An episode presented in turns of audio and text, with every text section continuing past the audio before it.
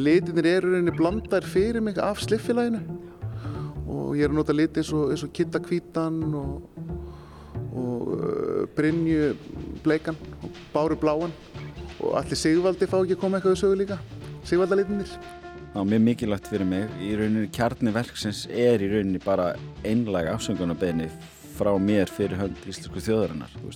Það er í rauninni kjarnin á verkinu og, og það sem þetta snýst allt um. Í dag færir sama ljóð okkur bara sjálfsögð sannindi. Auðvitað bregst maður skinsamlega við ef heimsendir er á næsta leiti. Auðvitað lítur maður yfir egna samsendinguna og auðvitað grefur maður bankar. Í lestinni í dag samherji byggðist ekki afsökunar heimsendir sem hljómar eins og ævintýri og útskriftarsýningar Listaháskóla Íslands. Ég heiti Lóa Björg Björnstóttir.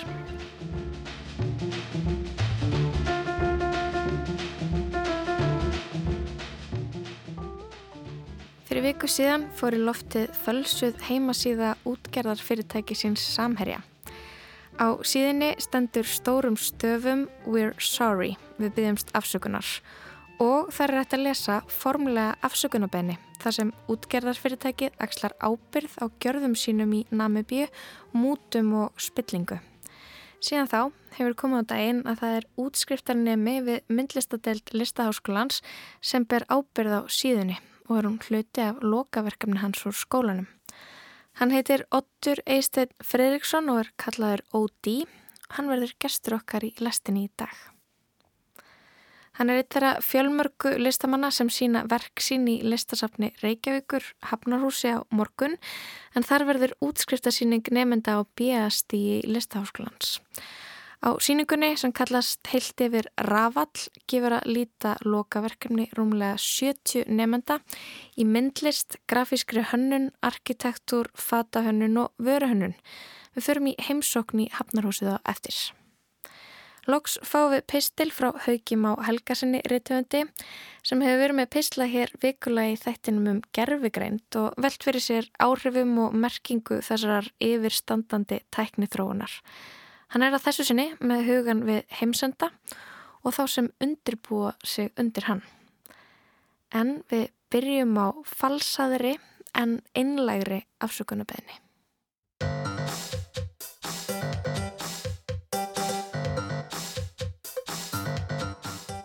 Fyrir viku síðan fór í loftið fölsuð heimasíða útgerðar fyrirtækisins Samherja, síða sem er hýst í Breitlandi. Á síðinni stendur stórum stöfum We're sorry, við byggjumst afsökunar og þar er hægt að lesa formlega afsökunarbeginni á ennsku sem hljómar svona. Við hjá Samherja byggjumst formlega afsökunar á hlut okkar í Fissrott nexlinu. Við viðkennum alvarleika ásakanana á hendur okkur, meðal annars um spillingu, mútur og síð nýlendustefnu. Þessar gjörðir hafa grafið undan stjórnarháttum Namibíu og svift landið lífsnauðsynlegum tekjum til heilbreyðis og mentamála. Við játum að hafa nýtt okkur fyrir greiðslu til að gera spiltar millifæslur á fjö mögulegar, hafa gróða af Namibíu og greiða lámarks skatta. Við játum einnig að hafa grætt ólöglega á makrílkvóta sem leiti til atvinnuleysis og allir langvarandi skaða á hagkerfi Namibíu. Ég ætla að kaupa lítinn tókara,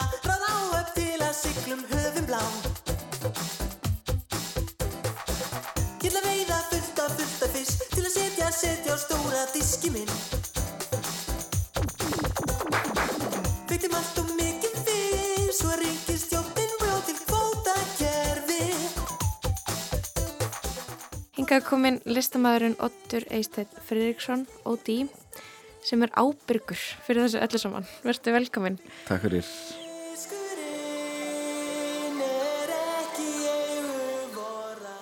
Heimasíðan og falsaða afsökunarbennin er hluti af lokaverkefni úr listaháskólanum. Þú segir fals, fölsu heim hérna, afsökunarbeginni, þetta er í rauninni afsökunarbeginni saman hvernig þið litið á það sko.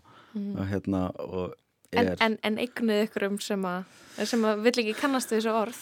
já, kannski um, en þeir ætti að gera það, þeir ætti að eigna sér þetta og ætti að tilhenga sér þetta þetta er afsökunarbeginni sem að Namibíu menn eiga skilið og, og vilja fá og, og samherja ætti að senda frá sér hvaðan kemur þessi hugmynd?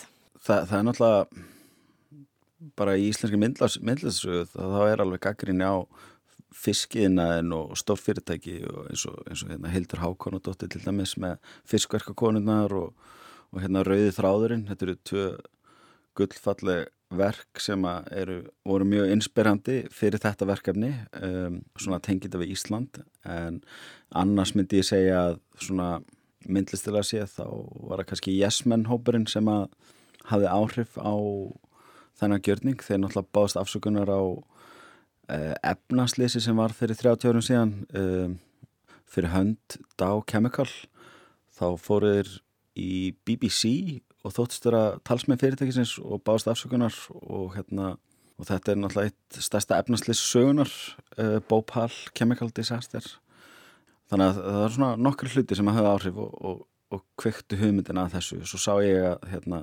þetta lén uh, var löst samheri.co.uk og, mm. Og hérna og sá að, að listaverki gæti orðið til. Myndi, það fer svona á stað ykkur atbyrðarás uh, sem að það, það er algjörlega ekkert að sjá fyrir um ég menna hvert hvað gerist. Um, síðan þessi síða fór í loftið hva, hvernig viðbröð hefur hún vakið? Ég líti á þetta sem svona kaplaskipt verk og lifandi verk og fyrsti hlutin var í rauninni rannsóknarvinna og að koma síðan í loftið lent. Uh, kapli 2 er, er síðan bara að, að senda út fréttatilkynningur um afsökunarbeginni uh, samherja sem er, er þá fyrsti hluti verksins í rauninni. Samherji náttúrulega hefur bröðust við afsökunarbeginni og, og sagst ekki vera beðast afsökunar eða, eða bera ekki ábæra á þessu og, og allir íslenski fjölmeilar hafa fjallað um þetta. Mm, og það er náttúrulega gangur verksins í rauninni gangur verksins er uh, viðbröð fólks uh, listaverki speklar uh, áhórandan áhórandin sínir sína hlið og sína skoðun í rauninni með því að eiga samskipti við listaverkið mm -hmm. bæði með því að eiga beinsamskipti í tölupústi eða, eða deila síðunni eða fjallum það eða, eða bara ræða það í daglegu máli þú veist að, hérna, að mynda sér skoðun uh, listaverki varparinu ljósi á uh, þennan skandal sem að átti sér stað uh, frá hvað, 2013 eða maður rétt til 2019 í Namibíu fyrir hérna, að hálfu samherja. Svona ljómar raunveruleg yfirlýsing samherja sem þau byrtu á heimasíðu sinni þann 11. mæ. Aðtekli samherja hefur verið vakin á því að svo virðist sem óprútnir aðelar hafi sendt falsaða fréttatilkynningu í nafni samherja til erlendra fjölmiðla. Þá verðast sömu aðelar hafa sett upp falska heimasíðu í nafni fyrirtækisins sem hýstir í Breitlandi og samhliða dreift fölsuðum auðlýsingaborðum. Tekið skal fram að hvorki heimasíðan nýja fréttatilkynningin hafa neyn tengsl við samherja eða starfsmenn fyrirtækisins. Svo virðist sem umsíða ræða skipulaða árás sem fyrirtæki tekur mjög alvarlega. Samherji mun óska eftir því að hinn falska vefsíða verði tekin niður.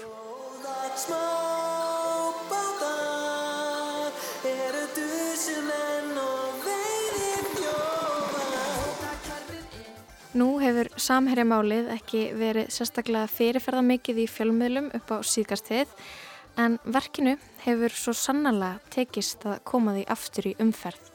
Verkið minnir okkur á. Mm -hmm, já, algjörlega og það er núna uh, Európaráðið er hérna á Íslandi uh, og Transparency International er, er til dæmis að berjast fyrir því að, að Európaráðið taki fyrir hérna að, að, að löndin uh, drægi fyrirtæki til ábyrra sem eru að uh, á ellendir grund og, og eru með hérna, síðlusa viðskiptahætti sem eru óleilegir og hérna, það eru mörg Európaríki sem eiga, mættu taka þetta fyrir í rauninni þannig að, þannig að núna er í rauninni bara kjörin tími til að minna á þetta líka, mm.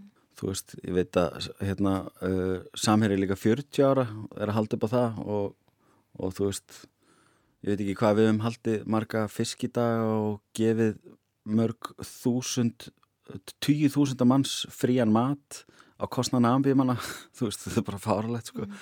það eru 260.000 manns í Nambíu sem eru með hérna Hávaf til dæmis og, og ég held að bara 40% af þjóðinni sko búi bara í kofum Veist, það, er bara sláandi tölur og, og við höfum bara tekið fjármagnaðin sem við þurfa svo óbúslega mikið á að halda sko. Ég veldi því fyrir mér hvort að listamæðurinn Ottur Eistedt Fredriksson eigi einhverja persónulega tengingu við málið. Nei, ég sá þetta bara í fjölmjölum eins og aðrir fyrir, fyrir þreim árum síðan cirka. Uh, ég var að vinna í Mom Air listaverkinu mín á þeim tíma og og skal ég segja að þetta hefur blundað í mér lengi þetta verkefni og ég þurfti að uh, halda í lendu og, og vinna í því lend í allan tíma sko. Mm. Hvers, hvers vegna þarf það að vera svona mikið lendamál ef, ef þú ert síðan alltaf að fara að koma fram sem einhvern veginn mannskan sem er ábyrg fyrir síðunni hvað þurftur eiginlega að, að vera að passa upp á? Uh, fyrir mér finnst mér bara veist, það gefur gefið tækifæri til þess að fólk bregðast við listaverkinu hlutlaust án þess að tengja við mig til dæmis. Og kannski vita þessi list. Já, einmitt. Uh, það er náttúrulega uh, mér er alltaf fundist áhugavert að skapa listaverk sem að fólk áttast ekki á að er list og þú þarft ekki áttað á að eitthvað sé list þess að njóta listarinnar, myndlistarinnar og hérna, það er einmitt eitthvað, eitthvað sem ég hef fyrta mig áfram mjög mikið með í minni list Varstu líka að halda þessari hugmynd og þessu verkefni leyndu fyrir kennuruna þínum sem að þú myndir annars þurfa að segja svona hvað er í gangi? Já, ég er, svo, ég er svona búin að fá að halda verkefninu nokkuð leyndu bara almennt og fyrir ekki að sleppa við að fjalla um verkið mitt síðustu önn. Þá svona í svona tímum þar sem Greina, við erum að deila. Já, allar, þú veist, ég er ekki skilin um greinagerðum eða fyrirlesturum ekki kynnt þetta fyrir nefndum eða, eða samnefndum eða annað og það har bara allir haft skilning á því. Ég hef unnið svona verkefni áður og, og fólk veit hvað ég er að gera og, og hérna og það er bara handfylli sem að vissi í rauninni hvað var að baku verkið sko. Mm -hmm. Og, og þú verður bara undan þá til þess að gera þetta. Já, ég rauninni að því að bara eðli myndlistar minnar og minn stíls er rauninni þannig að það, það þarf leint til þess að verkefni gangi upp.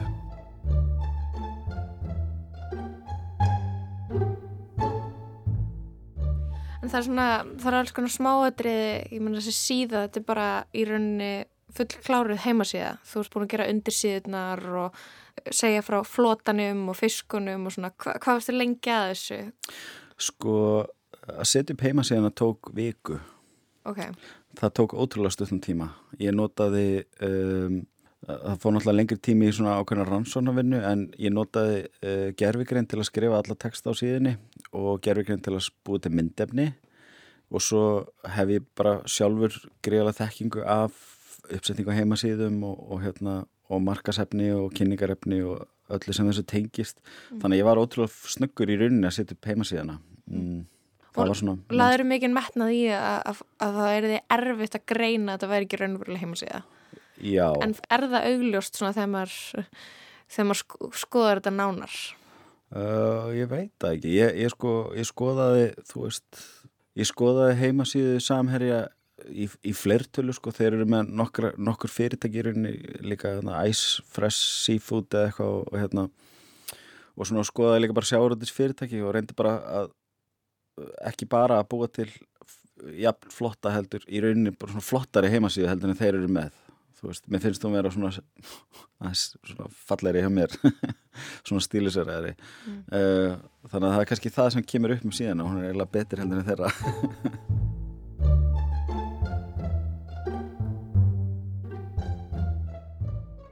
Sem fyrirtæki sem sínir samfélagslega ábyrð og virðir mannréttindi tökum við fulla ábyrð á gjörðum okkar og heitum því að vinna með yfirvöldum á Íslandi, í Namibíu og annar staðar.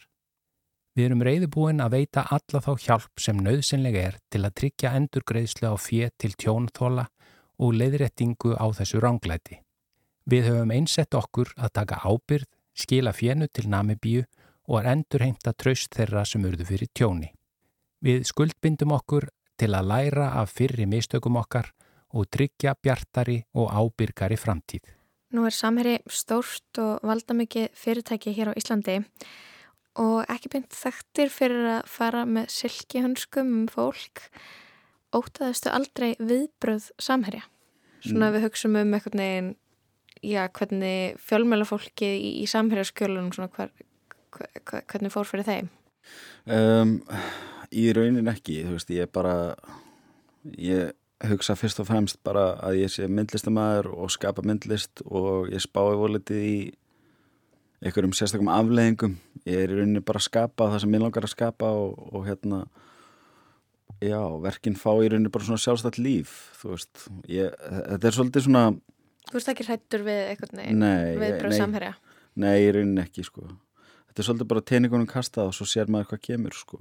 En ég meina það að fleiri stóri ræðalar hóta mér, þú veist, Váer og Marvel og Disney og, og, hérna, og Wendy's Corporation er núna með eitthvað að vinna á baka tjöldin held ég veist, þannig að það, það er alveg fleiri fyrirtæki samherið það í rauninni bara færi rauðina sko. Mhm, einmitt. Þetta kemur allir ljós í, í morgun að, að þú ert mannskinn á bakvið þetta. Hvernig eru síðustu klukktímar búin að vera?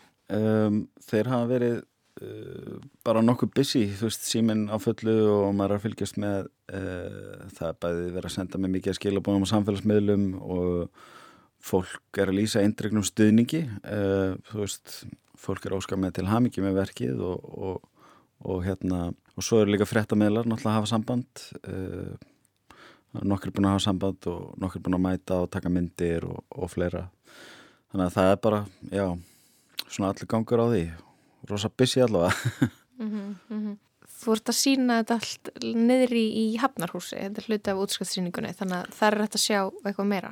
Já, þetta er, þetta er útskriftaverki mitt í BA í myndlist uh, og er partur af samsýningu, uh, útskriftasýningu Listaháskóla Íslands sem verður sínt í listasafni Reykjavíkur í Hafnarhúsinu. Uh, sýningin er hópsýning sem kallast Rafall Dynamo og opnar á morgun uppstyrningadag, uh, 5. dag, klukkan 2 og er opið til 6. Samherri segir hérna í yfirlýsingu á síðinu sinni 11. mæ, svo verður sem um sig að ræða skipulaða árás. Svo virðist sem um sig að ræða skipulaða árás sem fyrirtæki tekur mjög alvarlega. Samherji mun óska eftir því að hinn falska vefsíða verði tekin niður. Er þetta árás?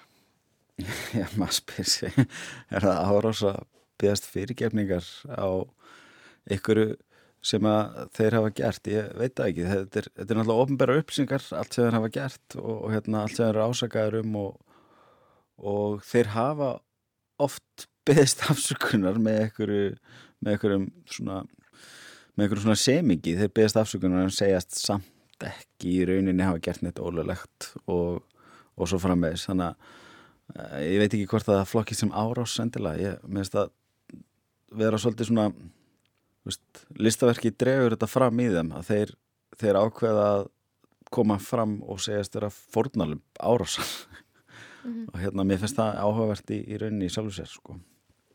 Hvernig skrifar þessa afsökunarbenni? Var það gerfugrænt sem hjálpaði að skrifa hana eða varstu, varstu svona að, að stúdira um, svona fyrirtækja afsökunarbennir og svona ofnbærar afsökunarbennir eða hvernig gerur þetta?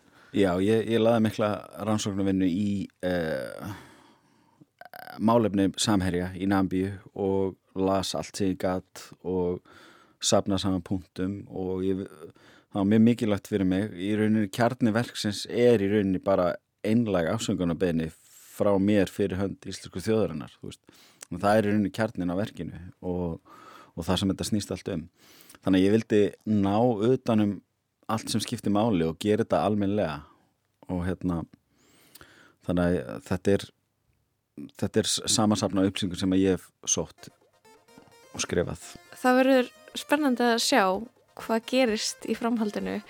Þakka er kellaði fyrir komuna í lestina. Ottur Eistin Fredriksson. Síðan hafi Ottur rættum saman rétt fyrir háti hafa orðið vendingar í málinu. Inn á heimasíðu Samherja, þessari raunverulegu, er búið að byrta opið bref undirritað af Þorstinni Má. Ágæta samstagsfólk. Eins og ykkur er eflaust kunnugtum hefur falsfréttum í nafni Samherja verið dreift að undaförnu. Sett var upp heimasíða í Bretlandi í nafni og með myndmerki félagsins og fréttonum dreift þaðan. Nú hefur einstaklingur líst verkinu og hendur sér og segir það hluta af listgjörningi. Við hjá Samherja getum ekki unað misnótkun af þessu tægi. Svo afstæð okkar hefur ekkert með list eða tjáningafrelsi að gera, heldur endur speklar einungis skílausan rétt okkar og skildu til að venda vörumerki félagsins. en það hefur við byggt upp af korskeppni á undangengnum fjórum áratugum um allan heim. Það er rétt að greina frá því að í þessari misnótkun fólst ekki einungis listrætt tilgangur eins og höfundur heldur fram. Því auk þess var reynd að hafa fjö af samherja með því að fela auðlýsingastofu byrtingu og auðlýsingaefni af sama tægi gegn greiðslu frá samherja. Samherji mun gera kröfu um að umrættri heimasíðu verið lokað og þessi misnótkun verði ekki látið viðgangast. Ég tel rétt að láta ykkur vita þessu. Bestu hverjur, Þorstedt Már.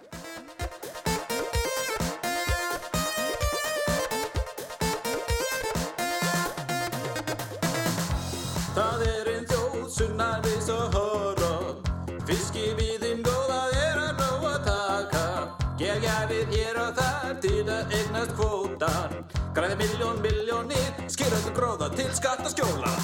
Ég vil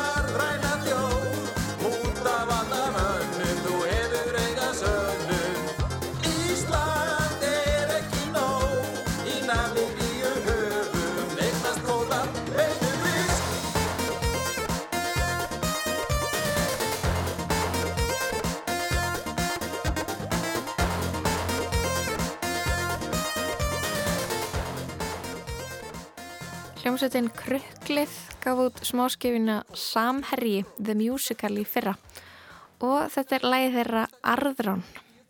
Ottur Eisteinn Fredriksson saði frá útskriftarverkinu sinu We're Sorry við byggjast afsökunar sem verður til sínis í Hafnarhúsinu á morgun á samt öllum hinnum útskriftarverkunum og við ætlum næst að halda ymmið þangað niður í Hafnarhús.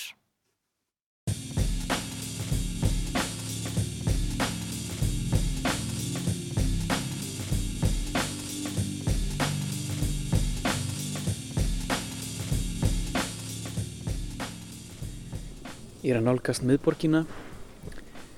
Það er allskíjað en frekar lít.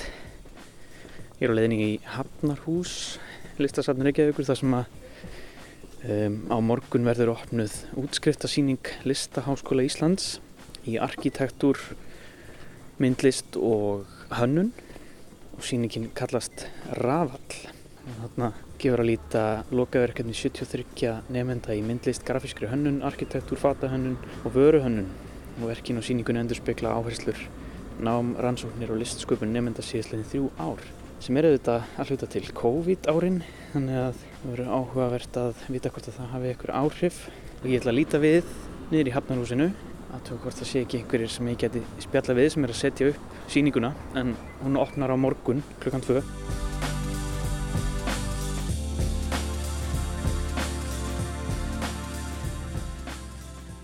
svolítið einkennilegt að vera að lappa niður í bæ þessa dagana þar sem að það er allt lokað vegna leiðtóafundar Európaráðsins í hörpu. Það er svona smá eins og þetta sé draugabær, draugabær sem er fullur af löggum. En hér eru líka túristar, þetta er, þetta er smá skrítin blanda.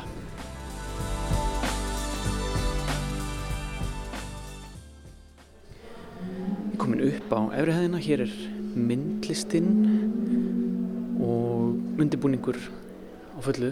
Ég ætla að sjá hvort það sé ykkur hérna. Já, eh, ég heiti Yðingíja Kristjánsdóttir og ég er að klára uh, í myndlist. Það er svona grasilmur í lofti. Uh, þú ert búin að leggja hérna túnþökur á, á gólfið og það er svona lítill hóll með svona eins og speilsléttri tjörn Já. og ofan í er hvað? Uh, þetta er uh, svona einhvers konar fiskur. Uh, þetta er manneskja með fiskahöfuð að synda um í, í eins konar svona halgerum dansi um, og þetta er svona varpað ofan í vatnið og þannig að þetta býr til svona einhvers konar galdur og einhvers svona endurspeglun sem að um, er gaman að leika með. Er þetta hugmynd sem þú er búin að vera með lengi? Eða? Þetta spratt upp svolítið bara svona í, eh, ég held að svona hugmyndin byrjaði svolítið í februar og svo er þetta bara búið að hugmyndin um, og hugmyndin svona eiginlega bara helst allan tíman. Þetta var svo svona skýrt í kollinum og mér langa að færa svolítið svona náttúruna inn uh, og, og svona gefa áhöröndunum eitthvað svona já, bæði lykt og, og svona þetta er svona einhvers konar skinjunaverk uh, og leifa áhöröndunum að, að hérna fara inn á grasið og setjast niður og, og ég hugsa þetta svolítið sem bara svona eins konar svona hugleyslu hotn sko, staði til að slaka á og, og njóta. Ég ætla að heimita að spyrja það því að það er svona klísukent skilti, gangið ekki á grasinu og mér leiði svolítið svona eins og ég mætti ekki fara inn á sko, til þess að kíkja ofan í Já. en það er bara í fínulegi. Það er bara í meirinn góðulegi sko og það verður einmitt bara það kemur skiltið sem stendur á please komið á, á grasið. Svo kemur, uh, kemur fyrir að á opnunum að þá hérna, byrtist fiskurinn uh, og vögvar garðin sinn og hérna, fyrir hefna áhörundur sem eru á réttum stað og réttum tíma. Sko. Fólk þarf bara að mæta og sjá Já. hvað gerist. Það er bara að vera allan daginn. Takk fyrir spjallið Já, og gangið vel til hamingi. Takk, takk.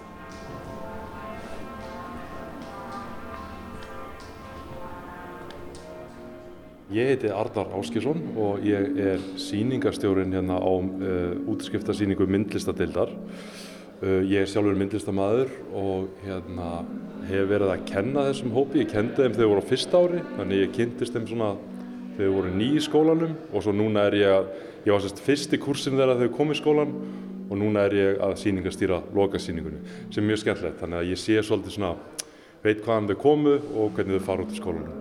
Að loka hringnum. Já, algjörlega, ég er að loka hringnum sko, já. Svolítið skrýtnum hringað ekki, ég meina þetta, er, þetta eru nefnendur sem að byrjuðu einhvern veginn í, í, þegar COVID var. Já, ymmit, það, það, það er gott að rifja það upp. Þetta var svolítið skrítið þarna, ymmit, fyrsta skóla árið.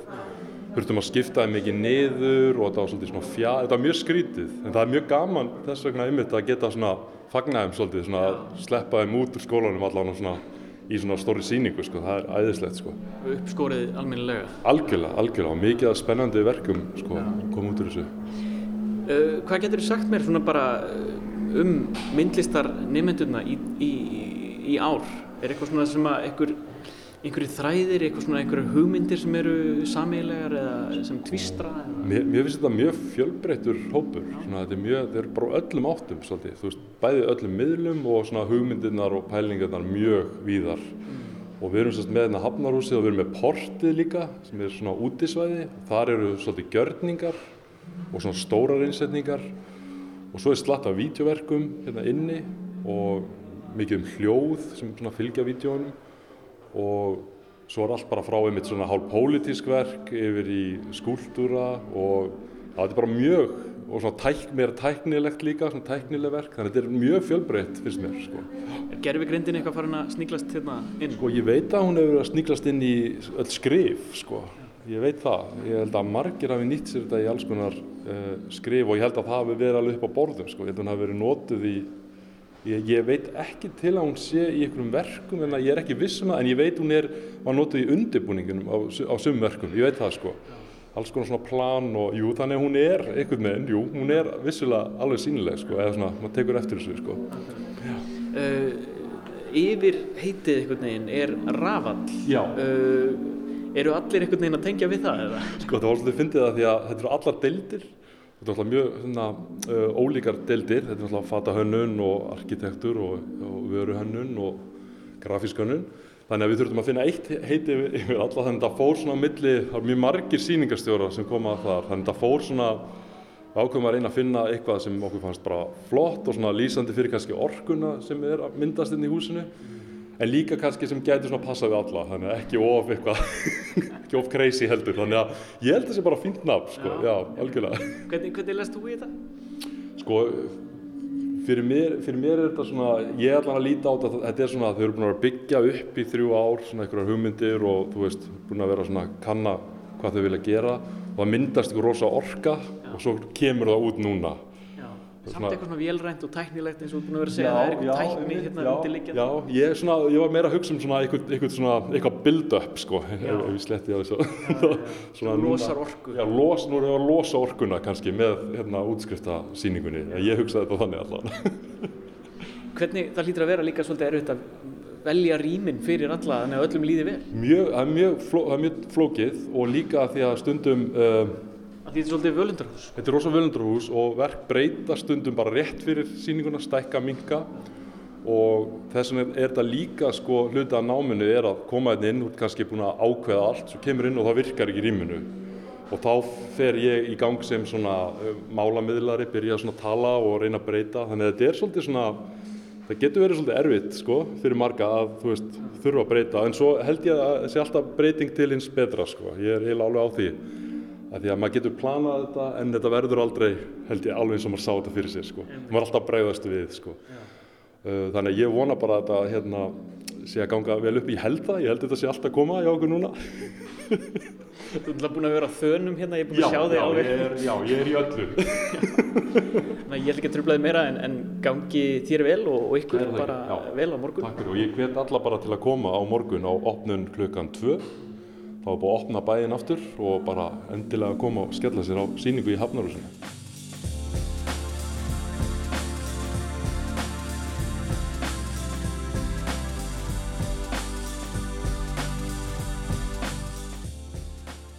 Já, ég heiti Hjördi Sólei og ég er sem sagt kennari B.A.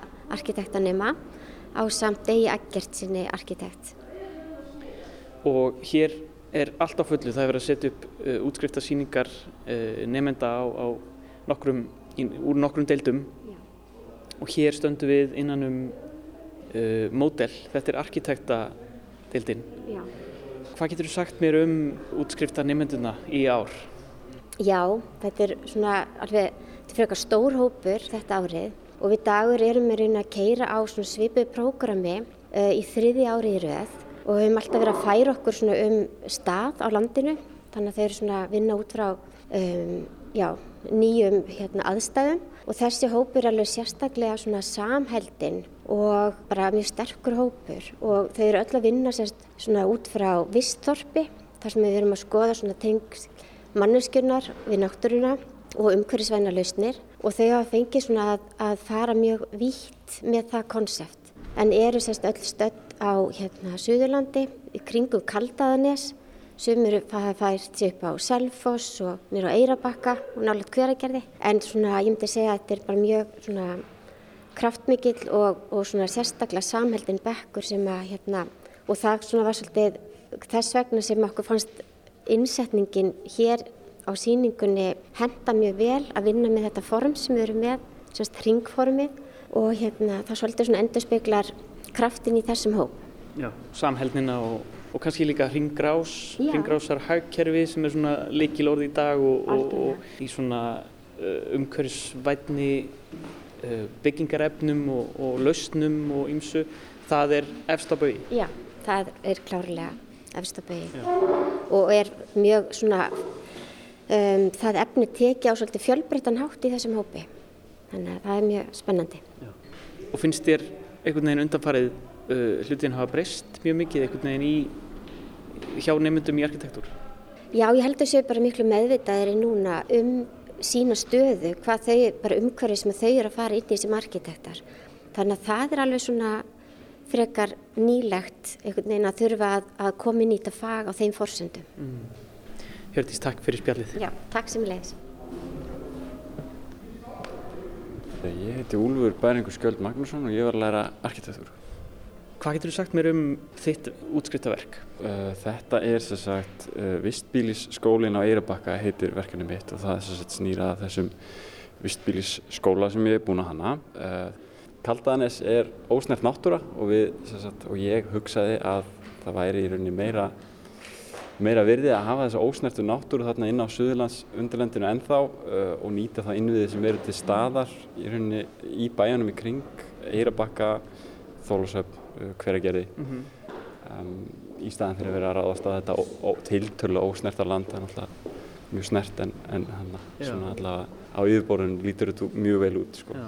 Hvað getur þú sagt mér um þetta, hér er, hér er bygging uh, og módel uh, sem er úr og, alls konar efni við. Hvað getur þú sagt mér að því ég, ég veit að það er mikil áhersla á umhverfismál og, og svona ringrásar hagkerfið, uh, hvernig efni við ert að horfa á þarna í þessu? Sko, ný, það sem við erum að tala um í þessu verkefni er uh, timbur mikið til, um, það sem að það er í rauninni svolítið umhverfisvætni kostur heldur en steipa að mörgur leiti og þjónar, getur þjónað uh, sama tilgangi náttúrulega. Ég er einnig að vinna með hleðslur, grjótleðslur sem eru svona menningarleg tenging við Suðurlandið og, já, og þetta mótel er í rauninni kannski eh, lítur að efniskend frekar heldur en nákvæmlega að vera, vera það sem byggingin er tekningarna þjónar kannski meira þeim tilgangi að þetta þjónar, þjónar hinu sko. Þannig að þegar við segjum sko umhverfisvætni byggingar uh, þannig að það er þá eitt að, að viðhalda gömlum byggingum. En svo þegar maður byggir nýjar byggingar þá þarf maður að huga að hvernig efni við erum við að nota og, og, og það er þá hvað, að, svolítið að horfa til fortíðar og, og svona eldri byggingar hátta eða hvað? Uh, alls ekki sko, þetta er í rauninni, það er náttúrulega sko, það sem er verra er náttúrulega að kasta öllu á, á glæð sko, eins og var kannski gert á okkurum tímapunkti. Um, og það er náttúrulega margt í hefðbundnu byggingaformi sem er alveg vit í eins og timbur sem er náttúrulega gríðarlega umhverfisvænt efni og, og, þarna, og margt, margt gott sem því fylgir sko. Um, þannig í rauninni er, snýst þetta kannski meira um það að vera að nýta sér það sem að í rauninni make a sense að nota. Og, þarna, og saman hvort að það sé nýtt á nálinni eða ekki sko.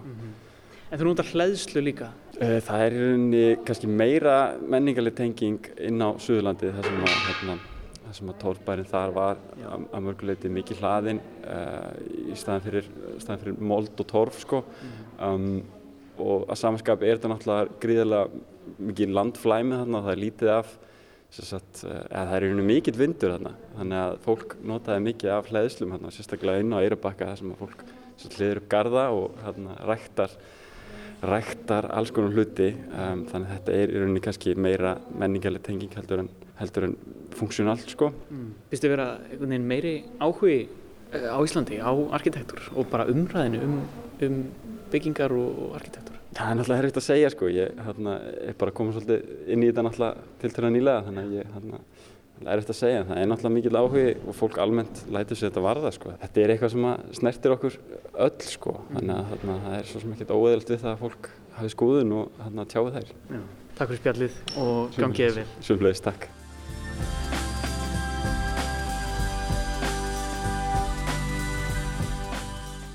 Já, ég heiti Árni Viljánsson og er útskæðast uh, með bjögráði í myndlist. Hér fyrir framann okkur er stór veggur, þú ert að spasla, það er mikill undirbúningur í, í gangi. Uh, hvað verður hérna á morgun? Uh, á morgun kl. þrjú verð ég með, með gjörning uh, sem nefnist málaramestari. Uh, þar sem ég mun mála landslæsmálverk, svona, í, svona vonandi í and, anda gömlu meistarana. En það verður svona eitt fjall sem svona mótíf svona í, í miði verksins og uh, já, ég mun sem sagt uh, framkvæma það með, með málaramestara og hans tækni. Mm. Eitt fjall, svolítið svona stórval bara. Uh, ég, sko Stórval er ekkert slæmur reffi af því að, að, því að þetta verður, það verður ekki mikil, verður ekki mikil dýft í verkunum, þetta verður kannski svona flatt að einhver leiti, nema ég fara að blanda litina, en litinir eru rauninni blandaðir fyrir mig af sliffilaginu og ég er að nota liti eins og, og kitta hvítan og, og uh, Brynju bleikan og Báru bláan og allir Sigvaldi fá ekki að koma eitthvað sögu líka, Sigvaldalitinir. Hvaða litir, akkur velur þetta? Sko, mér finnst bara einhvern veginn áhugavert, uh, bæði finnst mér áhugavert að nota liti sem eru nú þegar tilbúnir, sem ég þarf ekki að blanda sjálfur. Og, og sen finnst mér líka áhugavert að koma eitthvað svona samþykki um nafn á litum. Af því að við notum náttúrulega tungumál og svo mikið að tjá okkur um liti. Og til dæmis ef ég segi rauður, þá sér þú fyrir þér kannski eitthvað ákveðin rauðan lit. Eh, En ég geti verið að tala um jólarauðan, en þú sér fyrir þér púrtinsrauðan. Uh, og mér finnst áhugavert bara hvernig tungumáli reynir einhvern veginn að alltaf að ná utanum uh, það hvernig við, hvernig við uh, tjáum okkur um liti Og eigna sér litina. Já, og jafnvel eignar sér litina eins og, eins og Kitty sem, að, sem að hannaði kittakvítan af því að hann, þólir ekki málarakvítan. Hann vildi gera hvítari lit en málarakvítan. Og, og allt í henni komið samþykki í samfélaginu og, og, og hérna, um, um þennan lit. Fólk veit hvað Kitty hvítur er. Eða jafnvel rudd kára grár eða, eða, eða gveigu gulur. Og sigvaldalitinir auðvitað. Já. Þannig að mér langar kannski til að gera veist, MCI's blátt, bláa heklu undir sigvaldabláum himni. Kannski gveigu gul sól fá að skína. Uh, Átni, akkur, akkur myndlist? Hvað, hérna, hvað fekk þig út í þetta? Uh, þetta er bara svo skemmtilegt. Myndlistin fær einhvern veginn, getur veginn verið allt. Hún getur verið performance, hún getur verið tónlist og já, það er bara gaman að, að vinna með konsept og, og myndlistin fær einhvern veginn að, já, maður getur einhvern veginn prófað hvaða miðla sem er og, og, og tjá sig á svo margan hátt í gegnum myndlistina. Þetta er líka svo ópraktíst sem er alltaf, alltaf bónus. Ég hlakka til að sjá uh, þetta, hvað við segja, svona nafn, hlaðna uh, litaval í, í hérna, listgjörninginu þínum. Já, nákvæmlega, einmitt. Þetta verður svona, einmitt, svona nafna hlaðið og, og, og, já, og svona, já, ég er svona að vinna mig líka með, með landslagsmálverkið sem er þetta svona stór partur af sögu Íslendinga og, og svo sjálfstæðisbaratu Íslendinga. Og uh, mér er alltaf langast að gera landslagsmálverk en það er alltaf bara búið að gera það og ég er ekki að fara með einhverja trönur út í náttúruna eins og, eins og Kjærval gerði. Þannig að ég, langar þess að vinna þetta meira með svona annan hátt, með, með málaramestara og hans tækni. og, og, Þetta er þín leið. Þetta er mín leið, já. Já. Ég ætla ekki að tröflaði meira, gangið vel uh, á morgun og bara til hamingju. Takk hjá fyrir.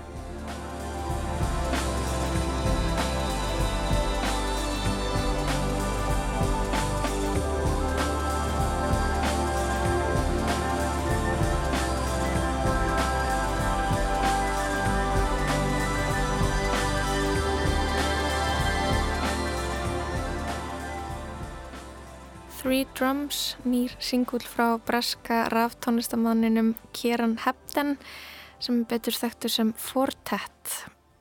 Við kíktum í heimsókn í Hafnarhúsið þar sem var verið að leggja lokahund á Raval útskriftarsýningu nefnda í LHI við myndlistar, hönnunar og arkitektar deilt. Sýning sem byrjar á morgun og stendur til 29. mæ. En næstur á mælendaskrá hérna í lestinni er reytöfundurinn Haugur Már Helgason.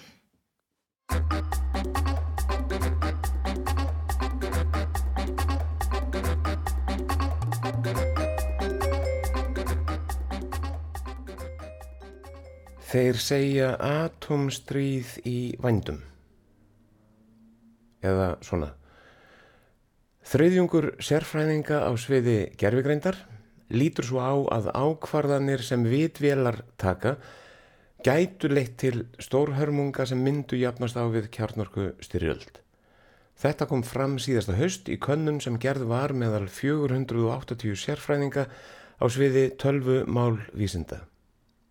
Eitt af einkennismerkjum okkar tíma hefur verið það bölsýnis viðkvæði að það séu auðveldra að ímynda sér heimsendi en endalokk kapitalismans.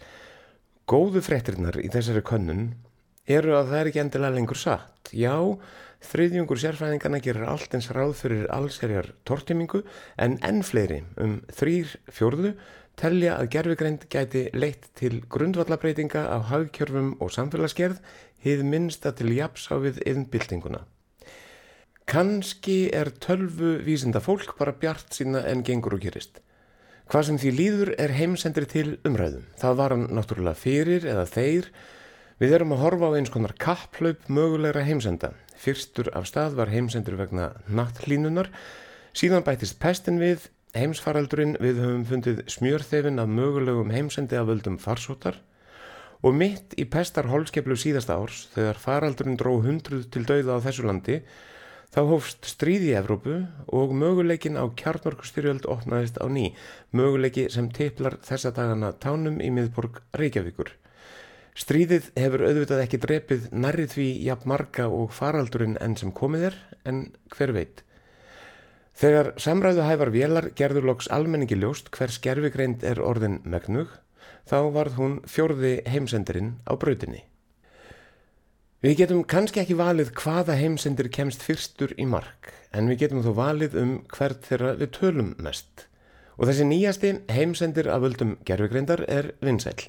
Kannski tölum við svona mikið um einmitt þann mögulega heimsendi vegna þess að ólíkt stríðinu, pestinni og hitanum þá er hann þó nýstárlegur, hefur ákveðin sjarma, er jafnvel svolítið fyndin, kannski. Eða kannski upplifum við létti í því hvað hann er kunnulegur. Kannski höfum við séð svo margar myndir um morðóð vélmenni að anspænis þessari tilteknu en þó aðeins mögulegu ógn þurfum við ekki að fást við munin á raunveruleika og ímyndun fyrir en það er of seint. Kannski er það auðveldari heimsendur að huga að, sá sem hljómar eins og ævintýri, alveg þar til hann er búinn. Og kannski ræðum við hann mikið bara til að þurfa ekki að tala um þá heimsenda sem þegar eru hafnir, þá sem þegar hafa dreipið fólk og sér ekki fyrir endan á. Þriðjungur þeirra sem tilþekja telja hann í öllu falli sigur stránglegan, en hvað gerir maður? Hvernig bregst maður við heimsendi? Óháð því hver þeirra reynist í bestu dagsformi, hver þeirra verður fyrstur til að setja allt varanlega úr skorðum hérna hjá okkur, þá færir reynsla síðustu ára okkur einhverjar leksíur sem má ef til vill taka til greina. Í fyrsta lægi er ljóst að viðbröð ríkja við ógnum snúast um ríkin sjálf og hafkerfi þeirra en ekki manneskjurnar sem þar lifa. Á undanliðunum árum reyndust flest ríki tilbúin til að bremsa hafkerfin og beita jafnleiks konar herlögum til að koma í veg fyrir útbreyðslu farsótar á meðan hún hefði geta valdi nægu tjóni til að setja ríkin sjálf og hafkerfi þeirra úr skorðum. Þegar bóluefni og meðferðir drógu væntalegt mannfall undir þau mörg að ríkjunum sjálfum stafaði hætta af, þá felduðu niður allar varnir og vildu helst smita sem flesta sem hraðast. Á síðasta ári dró svo ákverðun 400 manns til dauða hér á Íslandi, einn af hverjum þúsund. Við vitum þá að það sem drefur einn af hverjum þúsund er aukaadriði í huga stjórnvalda, tímabundin kúfur eins og heilbreyðis ráðara orðaði það, næri ekki þeim krítiska massa sem veldir ríkjum. Einn af þúsund er undir heimsenda viðmiðum. En hvar liggja þessi mörg? Hvenar breytast döðsföll úr persónulegum harmleik í ógn sem stjórnvöld bregðast við? Þegar 1% íbúa deyr, 10%, fleiri, líklega er línan breytileg og háð ákveðnum ráðstöfunum en hver sem hann er eða verður má þó ætla að ríki heims hafist líka línu í huga anspennis öðrum ógnum. Í öðru lægi er ljóst að ríkin sem feldur niður allar sótvarnir efla nú aðrar varnir, varnir sem segja bang bang og varnir sem segja búm. Allt á uppleið, allt að markvaldast ekki bara framlög til NATO og herrgagnaframleiðsla, löggan fær líka fleiri vopn og líða hundruð skotvopna, skambisur og vélbisur um kvósina í slíðrum brósmildra fagmanna, leyniskittur svipast um að þakki Sæðlabankans og hörpu, þyrlur og drónar svífa yfir höfðum ferðamanna á meðan kjarnorku kafbótar synda með kvölunum kringum landið og ósýnilegar þotur með allar verstu sprengjur veraldar nesta sig upp á Reykjanesi. Öryggi heitir þetta. Og fyrir miðjusviði öryggis síningarinnar stendur gamalt hús sem allt frá upphafi hefur auðvitað snúist um öryggi, stjórnarraðshúsið við Lækjargötu. Árið 2018 kynntu stjórnvöld eins konar afmæliskjöf ríkisins til sjálfsín en þá voru hundrað ár liðin frá stopnun konungsríkisins Íslands. Byggt yrði við stjórnarraðshúsið, forsætis ráðunitið fengi meira plás, þó þannig væri. Framkvæmdin hefur heldur tafist en er þó enn á borðinu. Á meðan lóðin á bakvið húsið býður framkvæmdana er hún eitt forar svað en umlukin snirtilegri fagurblári gyrðingu. Og samkvæmt þessari bláu gyrðingu er framtíðin björt. Þegar domnemnd hafði valið úr innsendum tillögum arkitekta voru úrslitin kynnt með orðum á við bjart, létt og áreinsluðust á samt hóverð og yfirlætis leysi. Í þeirri Samkjæmnislýsingu sem arkitektarnir tóku mið af. Það er kröfum stjórnvalda sjálfra til byggingarinnar hvað þó við annan tón. Það skjál einkennist öðru fremur af orðinu öryggi. Öryggis engunir, öryggis flokkar, öryggis stúka og viðkvæm öryggis svæði. Alls byrtist orðið öryggi 59 sinnum í þessum leiðbenningum en það ætlast til eins og það stendur að viðbyggingin standist bæði sprengju árásir og efnavopna árásir. Síðast en ekki síst verður þar fundarherbyrgi þjóðar öryggis ráðs. Í leiðbenningum til arkitektana er þessu herbyrgi líst tvívegis. Fyrst svona, Fundar herbergi þjóðar öryggis ráðs verði gluggalöst í kjallara með örugri tengingu við flótaleið. Síðan fundarými þjóðar öryggis ráðs fyrir 30 manns í kjallara, örugt rými sem gæti þjónað sem neyðarstjórnstöð. Það stendur sem sagt til að grafa svo litið neðanjarðarbyrgi undir forsætisráðunitið, það sem í daglegu tali nefnist bunker. Þeir segja atomstríð í vændum. Væri ekki ráð að selja hlutabrefin. Þetta stuttaljóð heitir Dómstags viðbræð 1 og þegar það byrtist í ræfla testamenti Ísaks Harðarssonar árið 1984 held ég að það hefði hljómað kaldanislega. Í dag færir sama ljóð okkur bara sjálfsögð sannindi. Auðvitað bregst maður skinsamlega við ef heimsendir er á næsta leiti, auðvitað lítur maður yfir egna samsendinguna og auðvitað grefur maður bankar. Sam Altman, forstjóri OpenAI, fyrirtækisins með vitvélarnar, hann á líka bankar einhverstaðar með bissum og dósamatt. Það sagði hann í viðtali. Hann er þá það sem kallast preppari, bendi kanadíski reythöfundurinn Naomi Klein á í nýleiri grein, eins konar sjálfsins domstags skáti ávalt viðbúin þykir það ekki nema skinsamlegt. Klein sagðist taka meira mark á þessari raunverulegu ráðstöfun Altmanns því sem hann gerði til að búa sig undir framtíðina en því sem hann segði um hvers megi vænta. Ríkistjórn Íslands hefur hugan ef til vill ekki við sama heimsendi og Altmann en þau eru þó skinsemisfólk eins og hann þau eru prepparar. Við Arnarhól verður grafin hóla því stjórnvöld vilja böngar. Vinnu tilgáta þeirra sem nú höndla með framtíðina virðist hannig vera eitthvað á þá leið að sá eitt sjó hólpin sem á hólu að skrýða í. Því allt getur gerst. Við sem enn erum ofanjarðar við skulum æfa okkur í að ímynda okkur allt hitt. Þetta var Haugur Már Helgason en við ætlum að ljúka lestin í dag á þessu lægi með Nick Cave and the Bad Seeds læginu Death is not the end. Við erum komin á leðrenda hér í dag og þessa vikuna, morgun er engin lest. Ég heiti Lóabjörg Björnstóttir og þakka fyrir samfélgin í dag. Tæknumæður var Lidja Gretarstóttir. Veriði sæl. When you're sad and when you're lonely and you haven't got a friend, just remember that death is not the end. And all that you held sacred falls down and does not mend.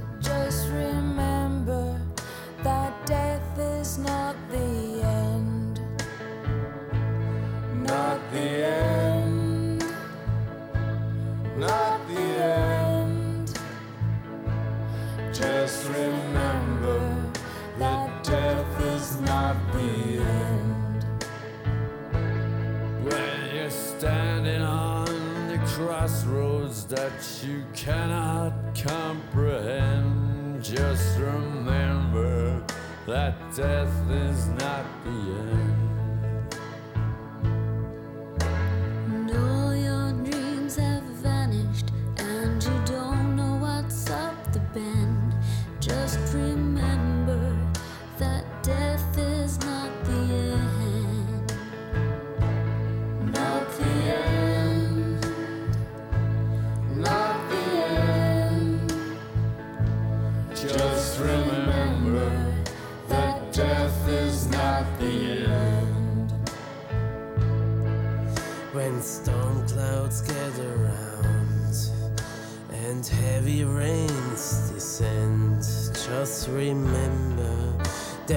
Death is not the end.